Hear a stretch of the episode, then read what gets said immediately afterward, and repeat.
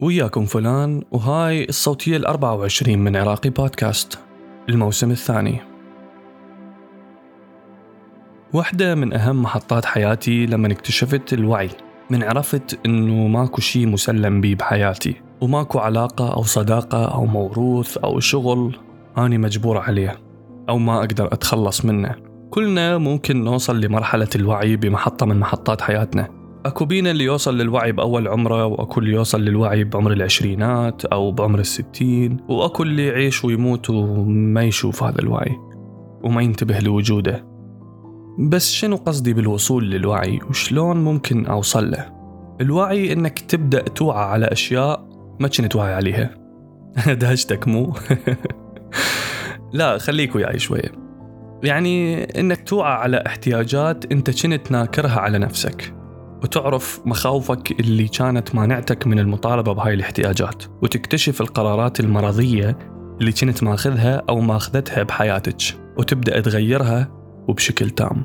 يعني إنك توعى إنك محتاج تنشاف وتنقبل وتنحب بدون شروط وتعرف إنك بطلت تطالب بهاي الأشياء من زمان لأن كنت خايف من عقاب الناس اللي حواليك أو زعلهم أو هجرهم إلك. تتعلم إنك من حقك تتصدق وتحترم ويهتم بيك.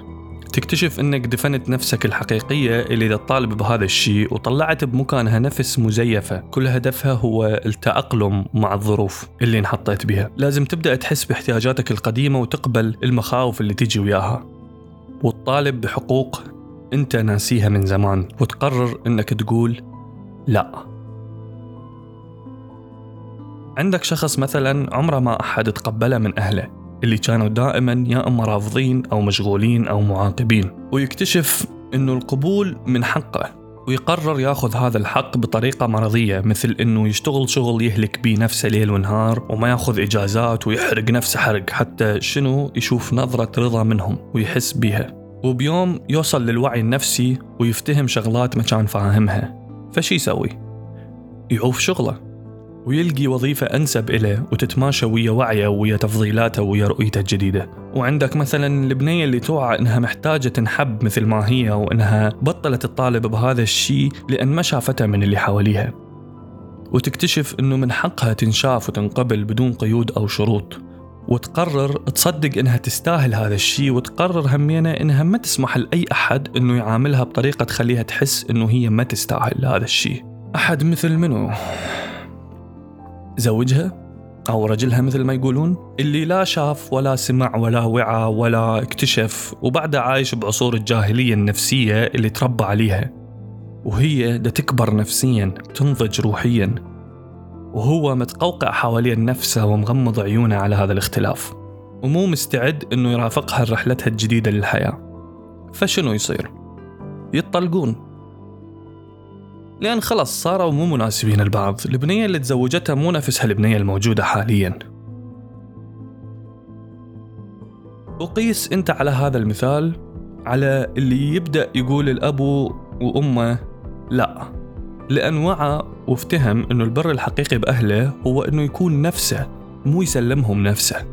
وعلى اللي نزعت الحجاب أو لبسته بعد ما غيرت اختيارات بالحياة مالتها وطبعا إذا كان هذا الشيء طوعي مو مجبورة عليه. وعلى اللي بدأ يسأل ويدور وما يقتنع بالإجابات التقليدية الجاهزة واللي بدأ يختبر ويراجع كل المسلمات مهما كانت درجة ثباتها. بس شنو ثمن الوعي؟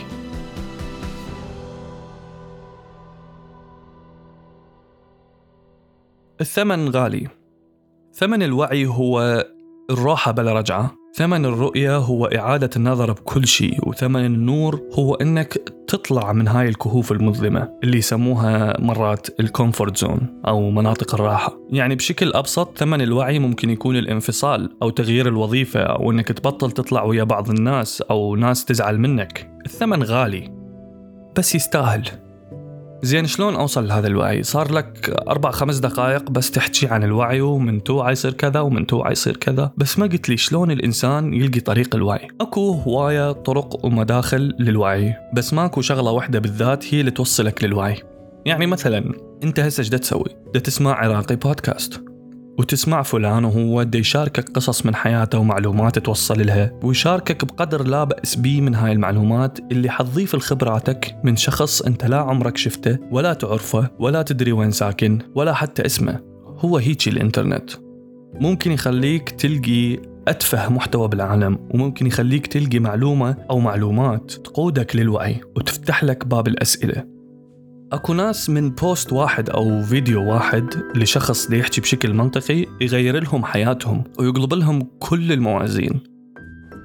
ويخليهم يبحثون أكثر ويدورون على إجابات ويفوتون برحلة من خلالها ياخذون قرارات ممكن تنقلهم لعالم ثاني. أنا طبعا ما ده أقول إنه عراقي بودكاست ممكن يخليش تطلقين أو يخليك تعوف شغلك أو اختصاصك أو أي شيء أنت ما كنت متوقع راح تعوفه.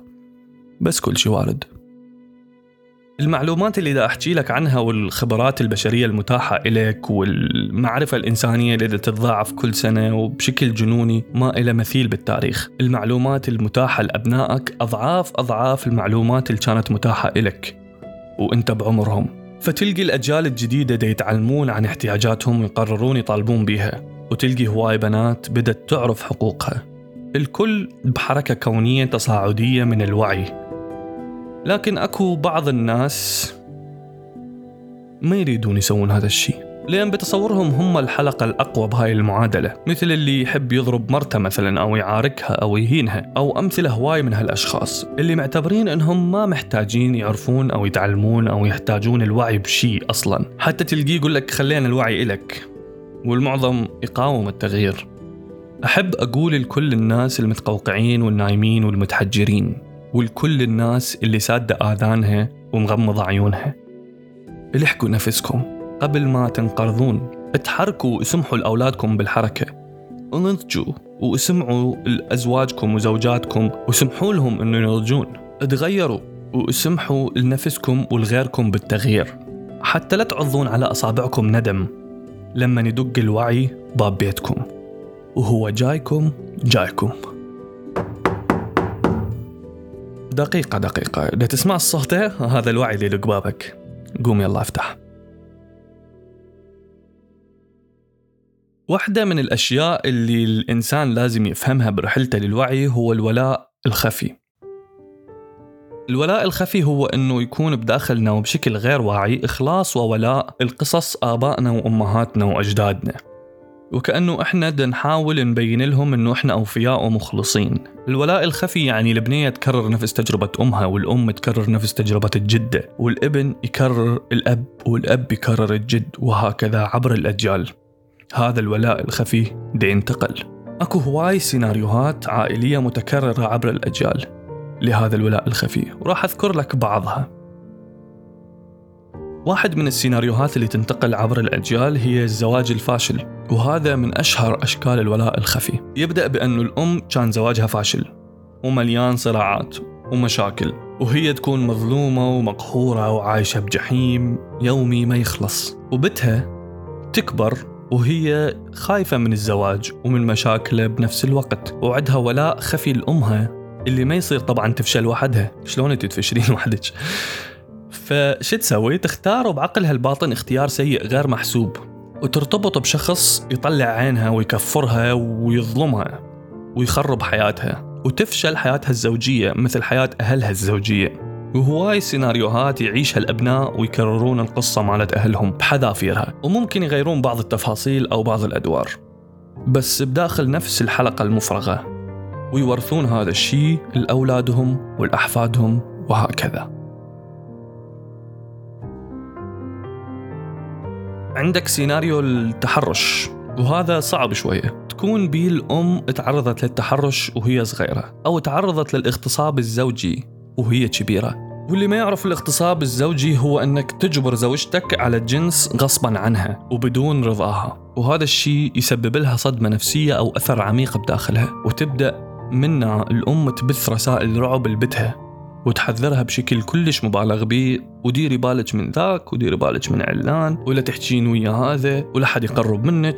وهذا راح يسبب للبنية خوف شديد من كل أحد ومن أي أحد. للأسف المتحرش يعرف يلقي البنية الخايفة ومن نظراتها ومن تعبيرات وجهها وترددها. ويتحرش بها فعلا. وهذا الشيء يسبب لها صدمة وهذا الشيء ينتقل من جيل إلى جيل. طبعا أكو هواي سيناريوهات غير هاي مثل سيناريو الإحساس بالذنب وسيناريو الوزن والوظيفة والقلق والخوف وحتى سيناريو الرجولة اللي حكيت عنه بصوتية سابقة. وشلون الابن يقلد أبوه من يشوفه عصبي ويتعارك ويأمر ينهي. ولائنا الخفي لأهلنا يخلينا نكرر سيناريوهاتهم ونتبنى قضاياهم.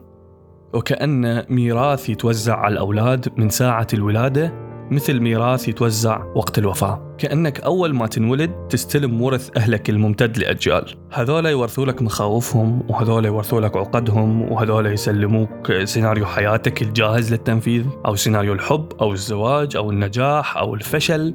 الولاء الخفي ولاء أعمى وغير مبرر. وما إلى أي معنى وبدون أي وعي طبعا. عايشين وإحنا شايلين شيلة غيرنا. بس دقيقة لحظة لحظة. أريدك تسأل نفسك هل الشيلة اللي أنت شايلها حاليا مالتك؟ أو القضية اللي أنت متبنيها قضيتك؟ لحساب منو أنت عايش؟ لأن لازم تفرق بين شيلتك الخاصة بيك وكل الشيلات اللي حتنشمر عليك وتاخذ قرار حاسم وشجاع وترجع لكل واحد شيلته وتقول لنفسك من اليوم كل واحد يشيل شيلته وعلى فكرة هذا ما إله علاقة ببر الوالدين خليك انت آخر نقطة بهذا الخط الممتد عبر الأجيال وخليك آخر واحد يتبنى هاي القضية الخاسرة. وأحمي نفسك وأولادك وأحفادك واللي بعدهم من ولاء خفي ممكن يمتد للأبد.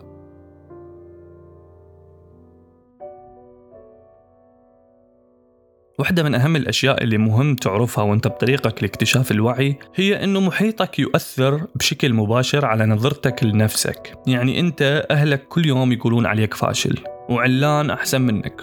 وش قد غبي؟ وش قد زعطوط؟ راح تصير تدريجيا تتصرف على هذا الأساس. هذا ممكن ينعكس عليك بالمستقبل وبحياتك أكثر. يعني إذا زمان وصلك أنك فاشل وأنت صدقت هذا الشيء راح تقوم تتعامل ويا الناس اللي حواليك على هذا الأساس وهم راح يشوفون هذا الشيء بيك. ونفس الشيء إذا أنت مصدقة عن نفسك أنك ضعيفة وما إلك رأي وتقومين تتعاملين ويا زوجك على هذا الأساس. هو راح يشوف هذا الشيء بيك وراح يأذيك ويستغل هذا الشيء أكثر. لازم تفهم شيء أنت إذا ما تحب نفسك الناس ليش راح تحبك؟ لأن لا إراديا راح يوصلهم أنك ما تحب نفسك وبدون ما تقول ولا كلمة. وإذا أنت ما تسامح نفسك ليش غيرك حيسامحك؟ ولما تكون رافض لنفسك منو راح يقبلك؟ باختصار اللي تصدقه عن نفسك هو اللي راح يوصل للناس وهو اللي راح يعاملوك على أساسه أعتقد هنا ممكن نفهم مقولة أنه ما تبحث عنه يبحث عنك لجلال الدين الرومي وتفهم مقولة مصطفى محمود اللي تقول إنك لا تقابل إلا نفسك في طريق القدر زين شلون ممكن نوصل للعالم اللي بداخلنا بدون ما نحكي. الحل إنك كل يوم تقول لنفسك إنك إنسان زين. بس طبعا أنت تقول هيك لنفسك هذا مو معناه إنك تسمح لأحد إنه يستغلك أو يأذيك أو يتعدى حدوده وياك. وهذا طبعا مو معناه إنه مو من حقك تغضب أو تزعل. إنك تكون إنسان زين غير إنك تكون إنسان ساذج. أكو تدريب نفسي يتسوى بروما من مدربة طلبت من 30 شخص تقريبا إنهم يتحركون بشكل عشوائي داخل غرفة وكل واحد يباوع على أحد ثاني ويسوي تعبيرات تلقائية بوجهه للشخص اللي يباوع عليه وما كان أكو أي تعليمات أو شروط لهاي التعبيرات.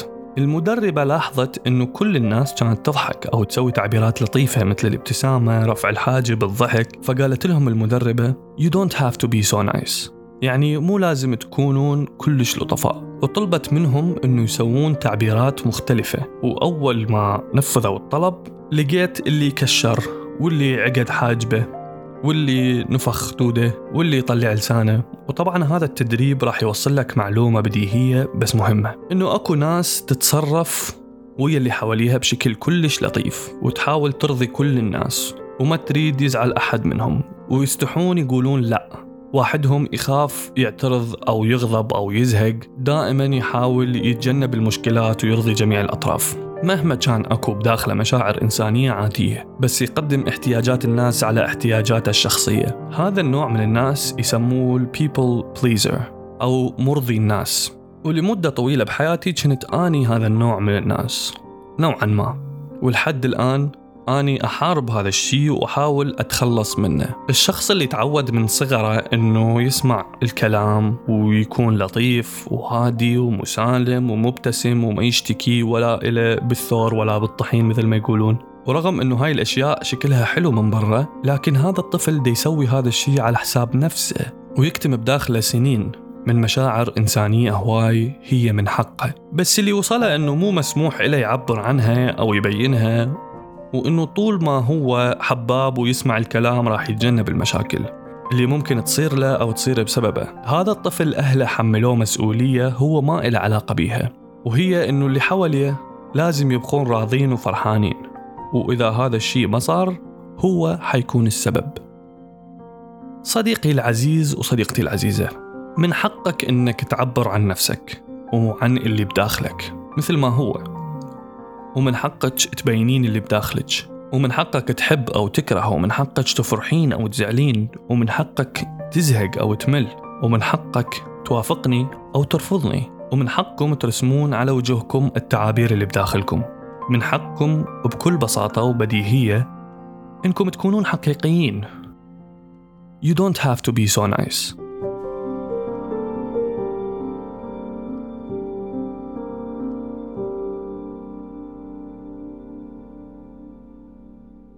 هاي الصوتية مستوحاة من كتاب لا بطعم الفلامينغو للدكتور محمد طه.